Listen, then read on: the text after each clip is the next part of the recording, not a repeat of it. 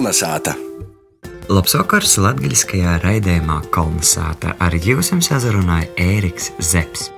Raidījuma izsaukumā stosts par dricenīšiem uzņēmuma pordara saimniekiem Ingūnu Semuli un Joni Jurčenko. Ingūna ir arī biedrības labs izveidotāja vadētoja.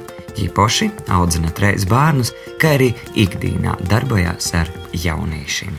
Tas ķūns ir beigas, tas mums jums tik lietas un pieredz ar to. Nu. No treku, šī te skatoties, nu, citis nu, redz, ka purvs no aizaudzis, viss tur galīgās saknēs. Mēs redzam tur potenciāli. Citi atnāk un saka, ka nopūšās, neko pat nesaka. Terasa ir vērsta uz to pusi ar ticību tam, ka reiz tur būs ļoti skaists skats.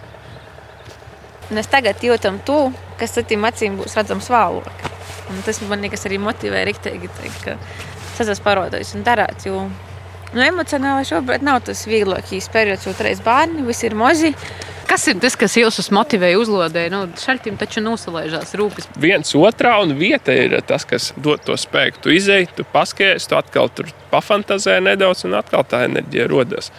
Galvenais jau ir saprast, redzēt, vizualizēt to, uz kurieni mēs ejam ar to visu, un tad var sazināties.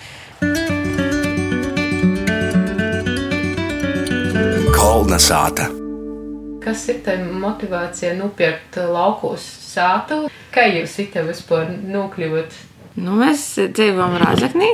Tad kaut kā nejauši es esmu uzgājis sludinājumu, ka pordeva sāta audriņus. Un tas bija tāds klikšķis, jā, par ko mēs dzīvojam pilsētā. Mēs taču jau tu naudu, kuru maksājām kaidam, varam ieguldīt uh, savā īpašumā un attīstīt to, kādu gribam. Ja mēs sākam skatīties, meklēt sātas, uh, kur dzīvot. Un, mm, Laikam, mums tā kā sāta pati atrada īsti. Viņa napordeva, ja es nebiju sludinājumā. Pordeva sākumā kaimiņu sātu, bet tad mūs atveda tikai uz itīņu, un tad tas uzsākās mūsu mūža projekts līdzieši. Četri gadi kā īpašums, trīs gadi kā dzīvojam. Es pieķēries pie domas, ka reizi gadā gribās tās viena, divas dienas.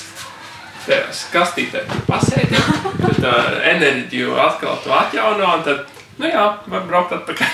Kas ir novērojis, ka tas dzīvokļu fenomens mm. ir tas, ka laukos tev ir simts un viens darbs, un tu sēdi un sev pormet, ka tu neko nedari. Dzīvoklī tu vari mīrīgi sēdēt, vērtīs televizoru bez sirdsapziņas pormatumiem. Tā ir tā viena diena, kad tu to izbaudīji, un atkal tā enerģija atgriezusies. Jo mājās, kā tu saki, tā, tu nevari to dienu vienu brīvu sirdi, jo, ja arī tu gulēsi dīvainā, tu sev būs baigie pārmetumi pašam uz sevi, ka tu ne, nedari. Tad tu meklē iemeslus. Šodien ir mm, baigi augsti, tur lietus un putenis, nu tad šodien var, jā, bet nu, tāpat nu, taču varētu kaut ko arī iekšā padarīt, kaut ko tur, tur varētu tajā paksī kaut ko padarīt.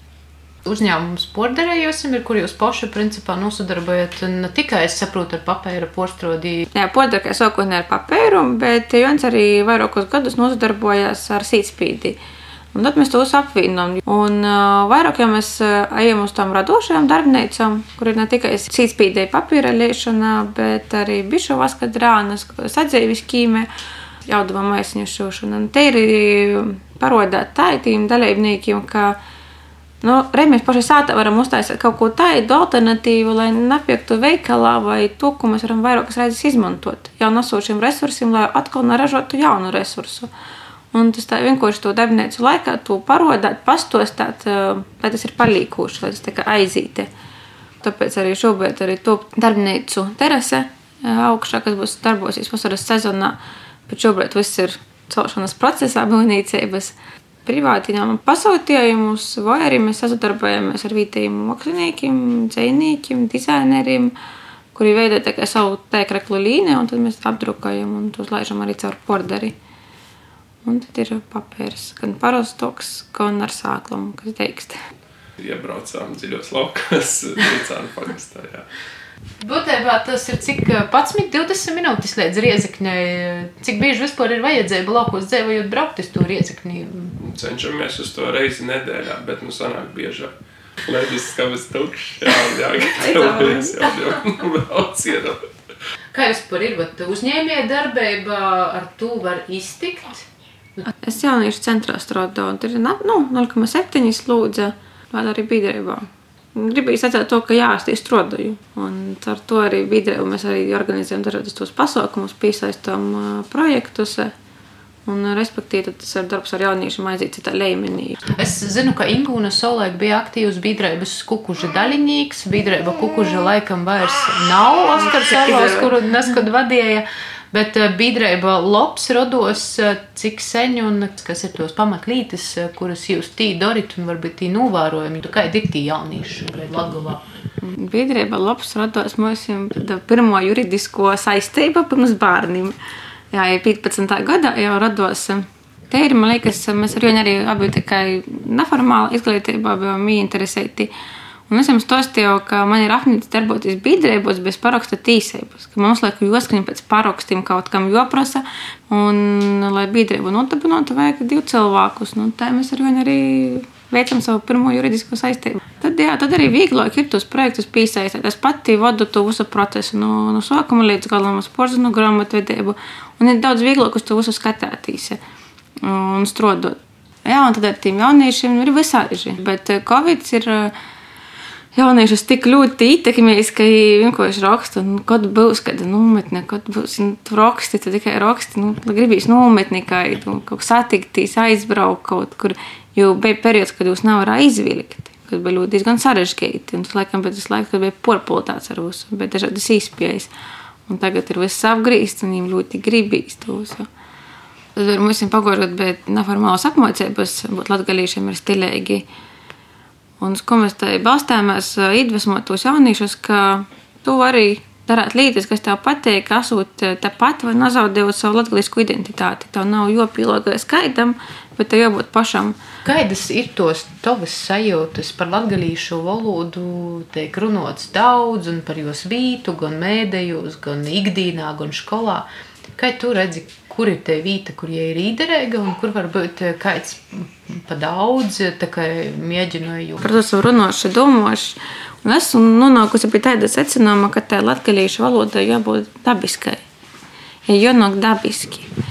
Un es to esmu pārbaudījis uz savu sodu, jo, kad piedzima pirmīs dēls, es izmisīgi centos arī runāt latviešu, nu, pašas mazotnes. Lai gan mēs, mēs ar Joni sarunājām latviešu valodā, jo mēs iepazināmies runāt latviešu, un tas ir aizgājis dabiski. Jo, kad mēs runājam latviešu, viens ar otru, tas ir vairāk kā nu, jūgs. Kurš no jums ir Jons, ir latviešu kaut kas, vai, vai jūs abi vienkārši esat latviešu, bet ir tāds pieredums runāt latviešu? Jons ir latviešu kaut kas. Es arī domāju latviešu, es domāju latviešu. Un es centos ar to bērnu runāt latviešu, un es saprotu, ka man tas nāk nadabiski. Tā kā uzspīlēti. Un tad kaut kādā brīdī es to portraucu, jo man arī bērnībā bija tāda piedzīvo to, ka ar maniem vīnaudžiem runā saimī latviski, i paaugos, i tāpat ar draugiem runāja latgaliski. Un, ja tas būs, ja tas aizies jau mīkšā, tad tas arī būs latgaliskīs. Jo mēs esam saimī četri bērni, visi saimī runāja latgaliski, jaunākais bērns runāja tikai latviski. Tas ir tavi broļi un jā, mūsus. jā. Tas tā kā īsti neietekmē tas, ka mēs saimī runājam latgaliski viens ar otru. Dzedi, babus, broļi, mosas. Tie runā latviski. Un tāpat saimī, kur runā ar bērnu latviski, es runāju latgaliski. Jānāk dabiski iekšā, ja tas ir, tad apziņa vai vielme runāt. Un ja tas liekas dabiski, tad tas arī būs. Un es domāju, ka uzspīšana, jā, tie obligāto kaut kāda nedos tikai pretreakciju. Tā notiek vienmēr, ja uzspīd, tad vienmēr pretojās. Cik tu patērēji, kāda tev ir sajūta, vai ir pieteikami daudz, vai ir pamoze, latgalīšu saturs, piemēram, literatūra, medijos, raidījumi, mūzika. Man liekas, ka tā, kad es biju pirms jaunīša vecuma, bija kaut kāds bums, kad sokos tos atcelus, visu, un tad tie latgalīšu deksme bija liela. Un es biju toreiz ar bērnu, vai tu nesaproti. Jā. Tā, kad es augu, jā, tad pusaudžu gados, kad es jau varētu pīdeļēties tajos atdzalos, tad tas viss noplaka. Gan tas Latvijas studentu centrs, toreiz bija super biedrība aktīva. Noteikti šobrīd arī ir aktīva, tikai tie pasaukumi vairs nav tāda tipa, kā bija agrāk. Toreiz, man liekas, bija publiski un tad, nu, tā kā īsaistot vairāk cilvēku pēc izpējas. Tagad tas ir viss tādā pašplūsmā aizgojis, tie, kam interesē, kam ir teiksme, ir to darbojās, tiem, kam nav, un tie arī nezadarbojās. Man te līte, kurkos tā tā, kur tev svidis lītes. Bet tas man netraucēja nelīgi pazaudēt to manu latgaļisku identitāti vai būtību. Covid bija uzlicis to domu, ka nu, vajag vairāk šeit, nu, nav nekas cits, tur baigi vēl pavasarī darāms, tur vairāk darbojas par saimniecību. Vajag kaut kā to attīstību uz laukiem vairāk, varbūt to, to radošumu tā kā balansēt ar to lauku dzīvi. Tad tā doma par tām uh, mailopiņiem tur aitām. Jā, laikam tik ātri nesenāks. Tāda te lauku dzīve laikam ir ar savu šarmu. Un, bet, Viņa paņem. Viņa nenormāli paņem, jo pirmais, kad mēs braucām, bija tikai dzīvot. Lauku lietas, lai ir citiem lauksaimniekiem. Mēs dzīvojam laukos tikai. Un tad gada no gada tur varētu ogas kaut kādas pastādīt. Te arī lopiņi labi izskatītos. Tur. Es ticu, ka mēs arī pēc 5, 10 gadiem varētu pārvērsties par lauksaimniekiem. Bet pagaidām, Bioloģiskajiem. jā. Tu esi vai neesi, vai tu vari būt ra- radošs cilvēks laukos, bet zāliņa tāpat aug un kaut kur jāliek. Jā, negribas arī dzīvot ar kūlas midzenī. Mēs te redzam īspējas. Mēs, kad arī porzavocamies uz uh, laukiem, mums tas bija resurss. Resurss, ar, nu, ko, ar ko strādāt, ar ko peļņāt. Un vienmēr tas resurss ir nu, lauksaimniecība, arī citi.